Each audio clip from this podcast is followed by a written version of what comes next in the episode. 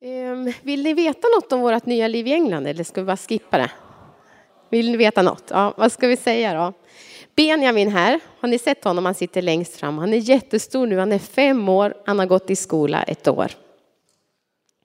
Så är det i England. Ehm, de första fyra månaderna, fem månaderna kanske, sa han inte pip i sin nya klass. För det var ju ett nytt språk och allting var nytt. Han var van vid förskolan hemma. Men nu går det bra, visst? Ja, det är roligt i skolan, visst. Man får ta, man får ta på sig sin skoluniform, sin uniform, gråa byxor, mörkgrön tröja, skjorta och i en del skolor har de slips. Men våran skola är lite mer slapp. Så vi slipper slipsen. Och så tar man sin lilla bookwallet med läxan, fyra år gammal. Och så i andra handen tar man sin, sin lunchbag. Och där har man packat ner ja, vad man nu tycker om. Benjamin tycker inte om så mycket, så det blir en mager kost. Men dock, han lever. Eh, vi har hittat en församling där vi är med. Erik cyklar till jobbet en och en halv mil varje dag. Jag är jätteavundsjuk att han har blivit så, har så bra kondis, så det har inte jag. För jag cyklar inte till jobbet. Jag följer barnen till skolan och sen går jag hem igen och tar hand om familjen. Det är ett helt annat liv och samtidigt är det samma skulle jag vilja säga. För grunden finns kvar. Gud och familjen och församlingen. Ehm, och det är bara att hänga med i förändringarna. Men det gör man ju. Med knapp nöd ibland, men dock. Ja, har ni fler frågor så svarar vi gärna. Men jag skulle vilja hoppa in i det här som vi kom hit för. Är det okej? Okay? Jag ska läsa en text ifrån Romarbrevet 12 som är jättekänd för många av oss. En del kanske får höra den här texten för första gången. Romarbrevet 12 och vers 1 och 2.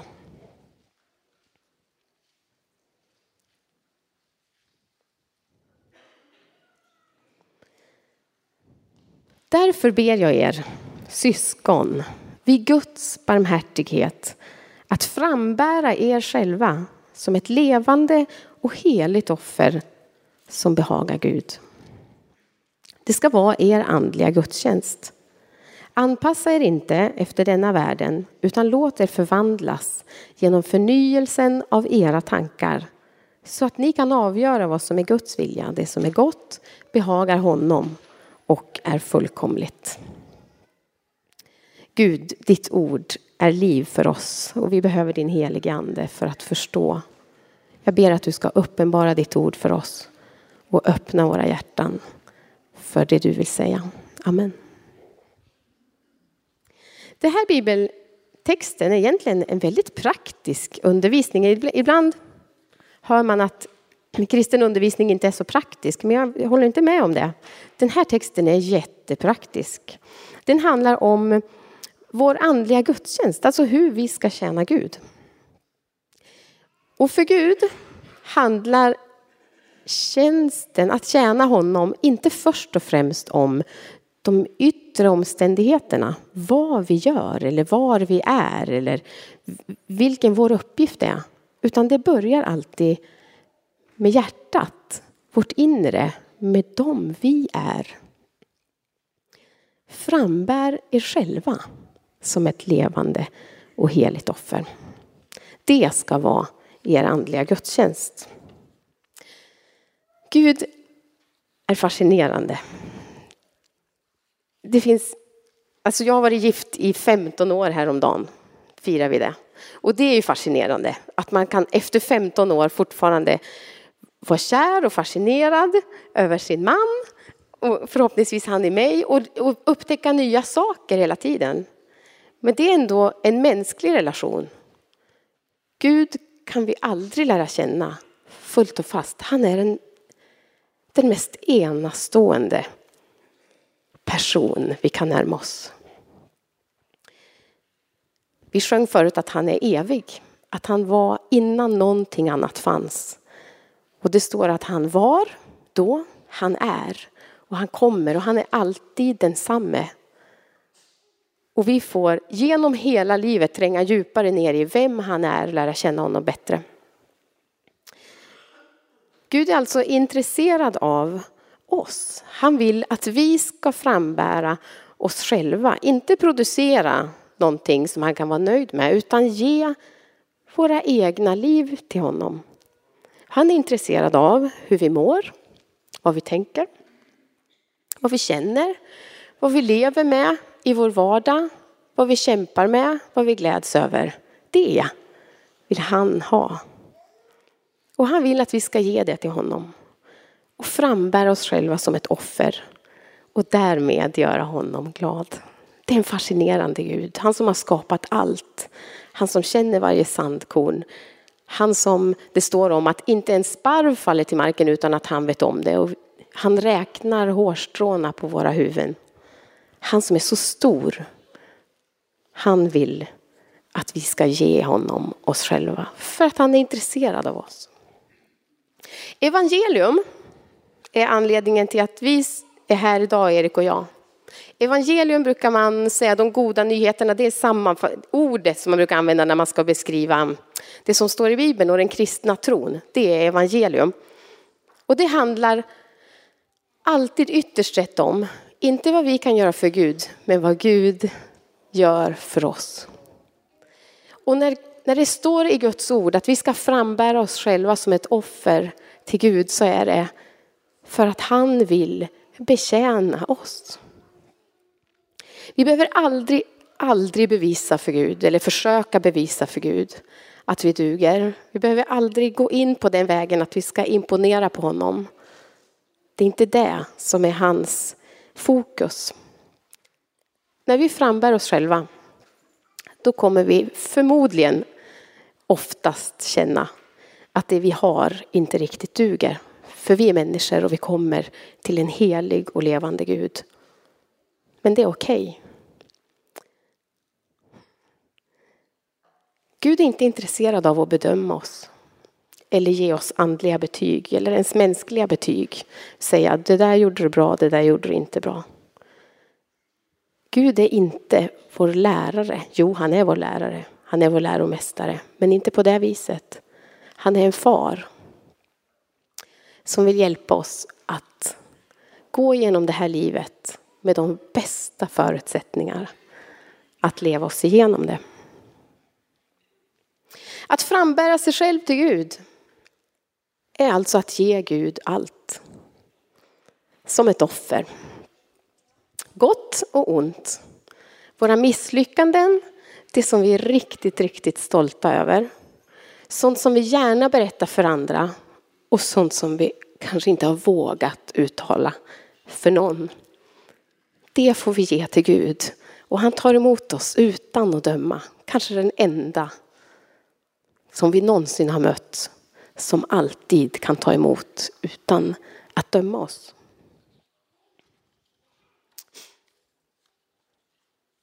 Det stod också i Romarbrevet 12 där i början att vi inte ska anpassa oss efter denna världen. Vad kan det betyda?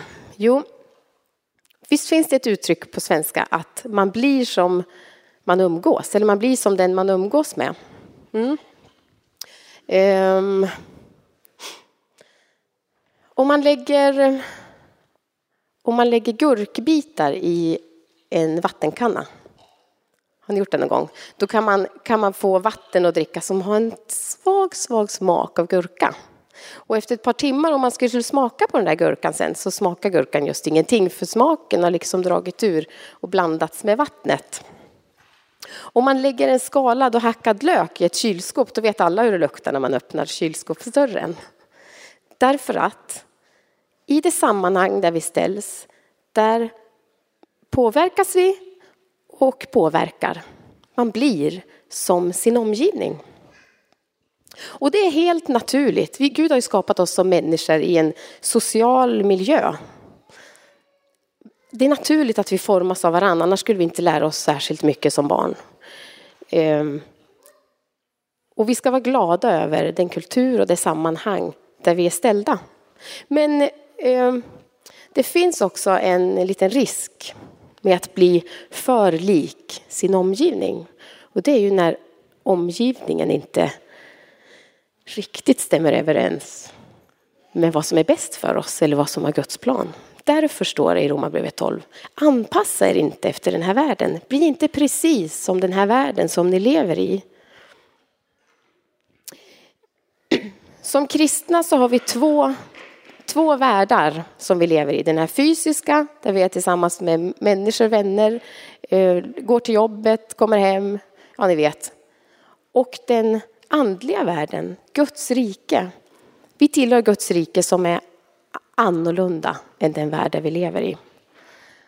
Och som kristna så vill Gud att vi lyssnar efter hans vilja när den inte stämmer med det som finns runt omkring i världen. Jag skulle vilja påstå att vår kultur, den västerländska kulturen är kanske den mest materialistiska kultur som vi någonsin har levt i. Vi identifierar oss själva utifrån ja, vad vi konsumerar, vad vi har råd med, hur vårt hem ser ut, vad vi har för kläder. Materiella saker. Ehm, och där skulle jag vilja kontra lite, bara kort, med vad Guds ord säger. Första Timoteusbrevet 6 och 8. Har ni mat och kläder ska ni vara nöjda. Vi lever i en materiell värld. Vi, vi, behöver kläder, vi behöver ett hus att bo i, men vi kan fastna i sånt. Och det kan nästan bli vår Gud. Och därför säger Bibeln att lägg inte för mycket omsorg vid det jordiska, utan bevara era hjärtan för det som är större, för det som är Gud och Guds rike. Har ni mat och kläder så var nöjda. Sen vet vi ju att det är bra att ha lite annat också.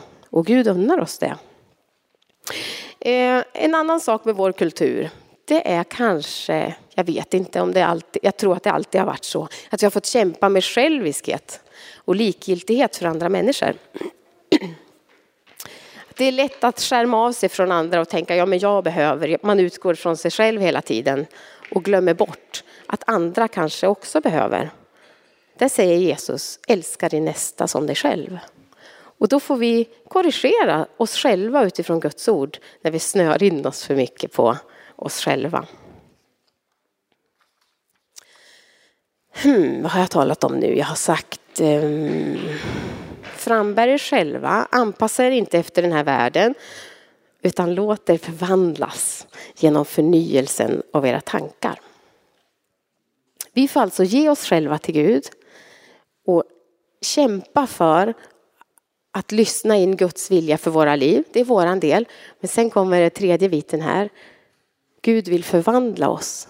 Vi får låta oss förvandlas men det är Gud som gör arbetet. Gud förnyar våra tankar. Gud lägger sin vilja i våra hjärtan. Han formar oss till att bli lika honom själv. Guds mål med att vi frambär oss själva, det är att vi ska få bli mer lika Jesus. Men också det som Jesus sa, jag har kommit för att de ska ha liv och liv i överflöd. Liv i överflöd, det är vad Gud vill ge oss. Och det kan han bara ge oss om vi lägger oss i hans händer och låter honom göra någonting i våra liv. Jag har kommit för att de ska ha liv i överflöd. Johannes 10 och 10. När det handlar om att låta sig förvandlas genom förnyelsen av våra tankar så tror jag att den mest ovärdeliga skatten som finns, det är det här. Bibeln. Vi behöver vi behöver få läsa och höra om vad Guds vilja är för att den ska kunna förvandla oss. Den helige Ande gör något i oss när vi samlas så här och och talar utifrån Guds ord eller när vi sitter hemma och läser Bibeln eller läser en undervisningsbok. Ni förstår, våra tankar förnyas och vi formas lite mer efter Guds bild.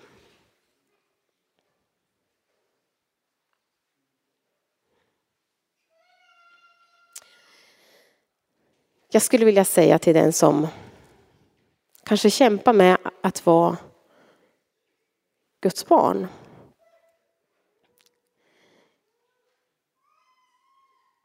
det händer att det är svårt att tro att Gud skulle älska oss som människor. Och vi, våra, tankar börjar, våra egna tankar börjar mala. Nej, men jag duger inte riktigt. Gud tycker nog inte om mig. Jag har inte gjort tillräckligt. Jag är inte tillräckligt bra. Jag läser inte Bibeln tillräckligt bra. Ja, ni vet. När sådana här tankar kommer, det Jesus gjorde, det var att han gick till Guds ord och citerade Guds ord och gav svar på sina egna tankar, tystade sig själv med Guds ord. Och om du finns här som har svårt att tänka dig att Gud älskar dig eller att du skulle vara riktigt rakt igenom frälst, för du vet ju vem du är, då skulle jag vilja ge dig ett bibelord. Andra Korintierbrevet 5 och vers 17. Ska vi läsa det tillsammans?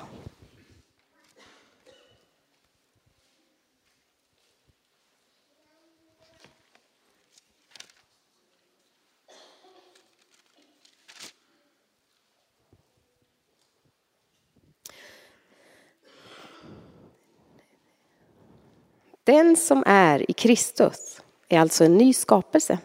Det gamla är förbi, något nytt har kommit. När dina tankar kommer och anklagar dig och säger att du duger inte, du är nog inte riktigt Guds barn. Då kan du fråga dig själv, tror jag på Jesus? Vill jag att hans död, det han gjorde för mig, vill jag att det ska gälla i mitt liv?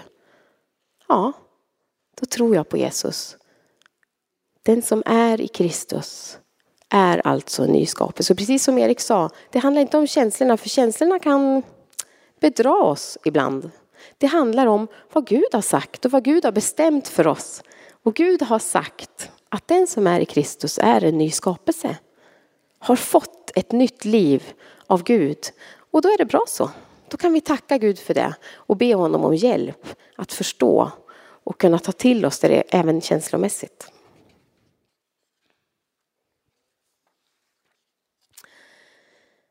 Nu kommer jag till del två av min predikan. Jag har två delar. Ehm, och den här andra delen, ja ni som sitter och ber i bänkarna, tack för det. För att det är ett svårt område att tala om. Jag talar om att frambära sig själv till Gud. Och nu vill jag ta upp en liten, liten aspekt av vad det kan innebära. Det handlar ju om väldigt mycket. Men bland annat handlar det om när livet eller andra människor gör oss illa.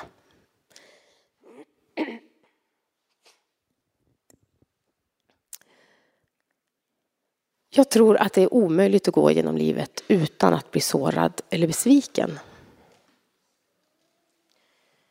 Innan Erik och jag gifte oss så läste jag mycket äktenskapsböcker. Och jag minns inte så mycket av dem, men en formulering minns jag.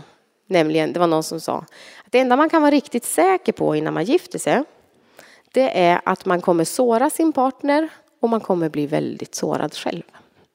Det var väl härligt? jag tyckte det var ganska sorgligt när jag läste det, men jag har förstått. Och jag tror att det, att det inte bara handlar om äktenskapet. Äktenskapet är ju en relation. Jag tror att det handlar om alla relationer.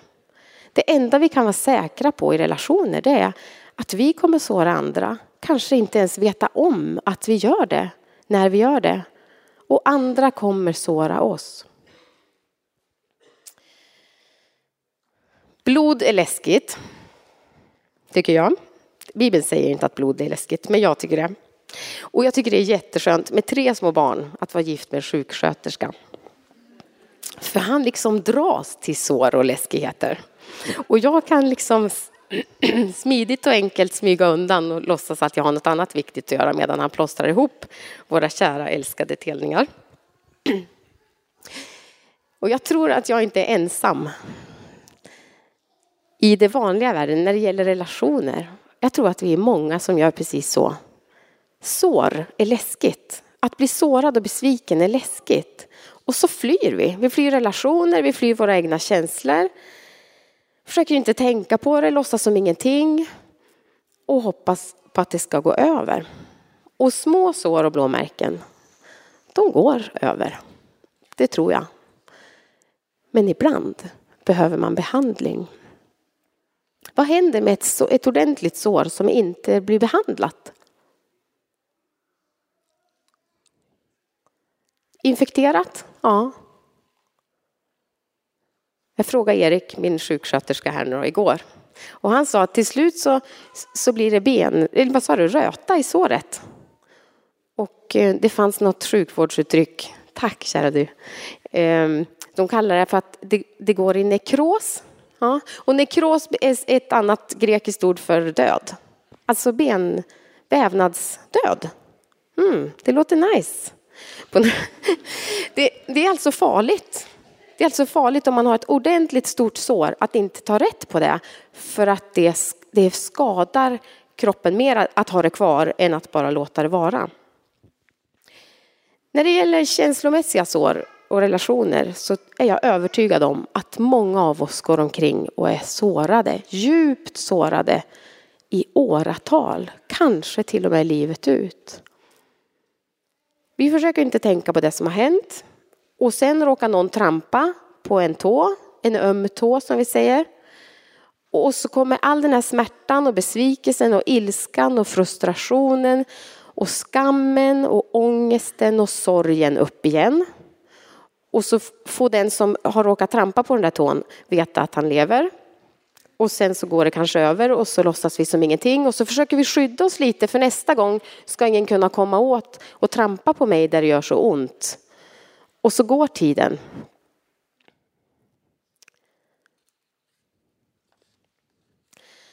Hur känner vi igen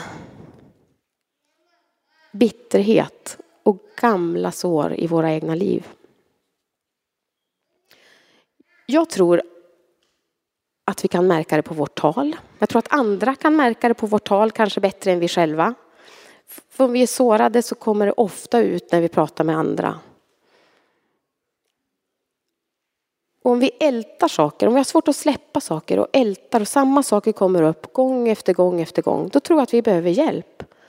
Att faktiskt bli helade och befriade ifrån det där som har hänt. Jag tror det. Vi kan alltså känna igen vår bitterhet på hur vi pratar, även på våra känslor naturligtvis. Om vi känner oss sårade, kränkta, förnedrade och blir arga på vissa människor, då tror jag att det kan vara en signal. Jag tror att vi märker det på våra relationer. Om någon har sårat oss och plötsligt är relationen ansträngd och vi vill inte se den, vi går omvägar för att slippa den personen. Ja, då har vi nog någonting där som vi behöver ta itu med. Sen tror jag också att det märks på den frihet som vi upplever eller brist på frihet i våra egna liv. Gud vill att vi ska vara fria människor. Jesus kom för att göra oss fria, till fria människor som blir sårade, ja, men som kan få ta itu med det och läkas och gå vidare som fria, starka, jag skulle vilja säga lyckliga individer.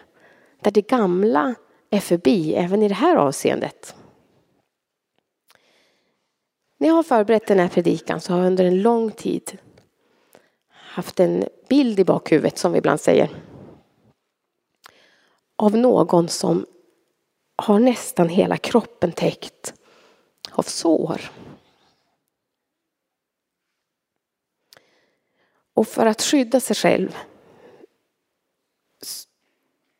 så finns det bandage. Har, har den här personen gjort e- egna bandage och slagit runt sin kropp. Och jag är rädd att många av oss skulle behöva få sitta ner vid Guds fötter och ta av de här bandagen, det som vi försöker skydda oss själva med. Låta Jesus själv tvätta rent lägga på sin läkande salva och lägga om och låta detta läka. Det som vi har burit på så länge.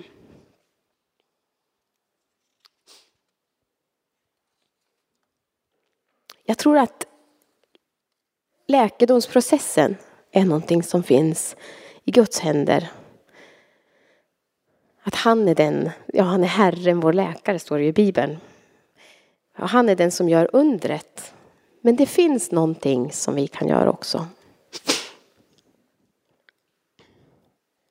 Låt er förvandlas. Låt er förvandlas. Låt Gud lyfta bort de här bandagen. Låt, visa honom såren i ditt liv och låt honom få göra sitt verk.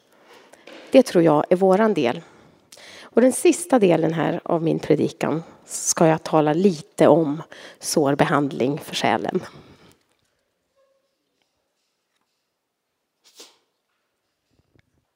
En klok människa som finns i min närhet sa att det finns några det finns en metod man kan använda, en praktisk konkret sak man kan göra. Jag skulle bara lite kort vilja gå igenom det. Det första är att när det kommer upp ett, ett minne eller någon, någonting som har hänt, när vi blir påminda om någonting som har hänt som sårar oss. Det första vi kan göra då, det är att erkänna det. Och inte säga, nej det var så lite, jag, det, här, det här bryr jag mig inte om. Utan att säga, ja men det här har hänt och jag tyckte det var jobbigt. Det är det första. Att våga lyfta fram en negativ erfarenhet och titta på den. Det andra som den här personen sa, det var att släppa fram smärtan och sorgen. Och det är inte så lätt, men det går. Jag hade en period i mitt eh, liv när jag var ganska nykristen. Då hade jag levt många år för mig själv och tyckte att jag hade massor med saker jag måste reda ut i mitt liv. Då brukar jag sitta på kvällarna eh, och skriva, antingen skriva brev till Gud eller skriva lister över sånt som jag visste att jag hade det jobbigt med. Jag tog en lista och så skrev jag, ja men Gud den här personen gjorde ju det här och det här. Så skrev jag ner det, så pratade jag med Gud om det och så bad jag för det. Och så förlät jag personen. Och så gick jag vidare till nästa person. Jag tycker väl om att vara systematisk och jag tycker om att prata. Så för mig funkar det bra. Jag vet en annan, andra människor som bara sitter ner på en stol eller var de känner sig trygga, var de kan vara i, i lugn och ro. Och känner. Om de behöver gråta så gråter de. Och till och med så, så finns det vissa som talar om en låda, att man ska hålla upp sina händer så här. Som att man håller en låda. Och så, ja det här är jag jättedålig på så jag har svårt att förklara det till och med. Hänger ni med fortfarande? Tycker ni att det är flummigt? jag tycker det är jättebra för jag provar det själv, jag vet att det funkar. Men um, att man i den här lådan lägger sina känslor. Hänger ni med? Att man, att man tar fram sorgen och tillåter sig att gråta tills det är slut och sen bildligt talat ger det till Gud.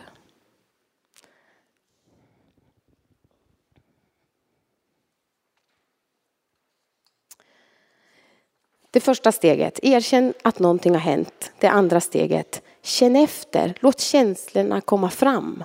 Så fula som de är eller så pinsamma som de är. Släpp fram det och ge det till Gud. Det tredje, Förlåt. Åh, vad lätt. Åh, vad lätt att förlåta. Det behöver jag inte säga något om, va? Jo, jag ska det.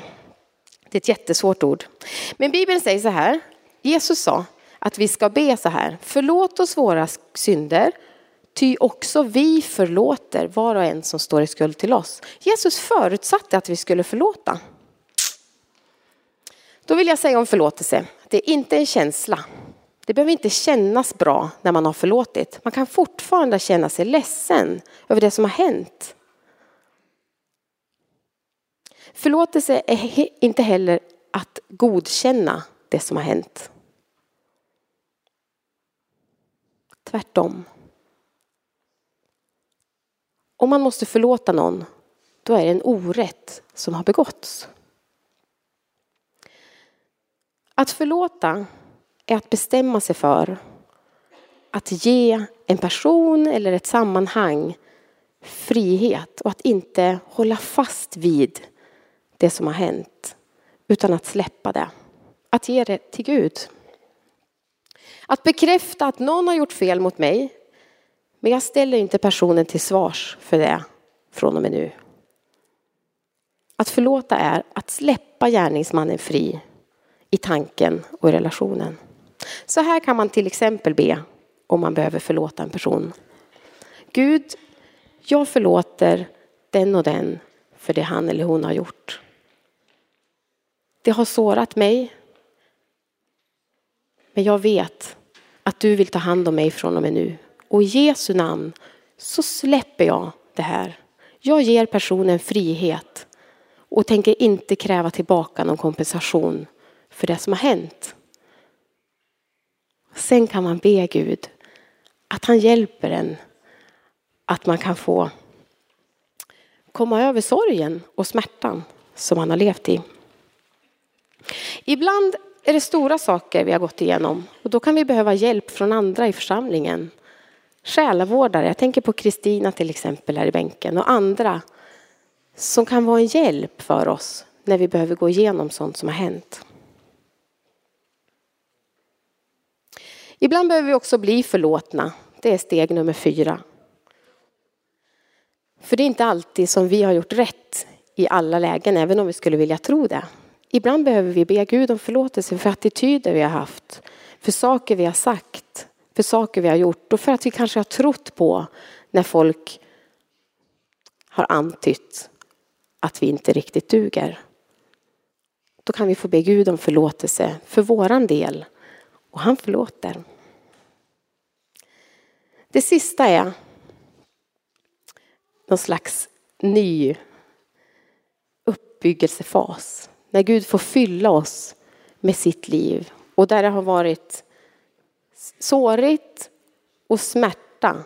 Där kan Gud komma med sin heliga ande. Och då får vi som steg nummer fyra tror jag var på. Be Gud fylla oss med sin heliga ande. Be oss tala till oss med sin sanning istället för det som kanske andra har sagt eller gjort mot oss. Och be att Gud hela våra känslor. När vi kommer så långt, då har vi förlåtit. Och skulle det kännas nästa gång vi ser personen som att nej, jag känner inte alls som att jag har förlåtit. Då får vi gå tillbaks till den där punkten när vi faktiskt gjorde det. Och så får vi säga Gud, jag förlät den här personen, jag står kvar i det. Du ser att jag är ledsen. Fyll mig med din helige ande, ge mig din frid. Tala till mig och uppmuntra mig där jag står nu och välsigna den personen som har gjort mig illa. Vi får stå fasta i att vi har förlåtit, inte, inte lyssna på det som vi redan har gått igenom. Utan ta emot Guds frid istället. Ja, jag hoppas att jag har kunnat på något vis ge er en inblick i vad Gud vill göra i våra liv. Han vill ge oss liv i överflöd.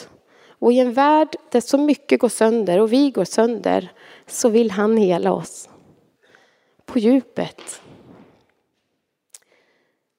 Och jag skulle önska att vi var och en vågade ta steget. Därför ber jag er vid Guds barmhärtighet. Frambär er själva till Gud. Det ska vara er andliga gudstjänst. Anpassa er inte efter den här världen utan låt Gud göra sitt verk i er och förvandla er inifrån och ut. Amen. Gud, du vet att vi är svaga människor och du vet att vi behöver dig. Tack att du räcker till för oss var och en. Jag ber att du ska göra i oss det som du hade tänkt för den här dagen. Att du med din heliga ande ska göra ditt verk, det som bara du kan göra. Vi älskar dig Herre. Vi tillhör dig. Och vi vill frambära oss själva till dig. Amen.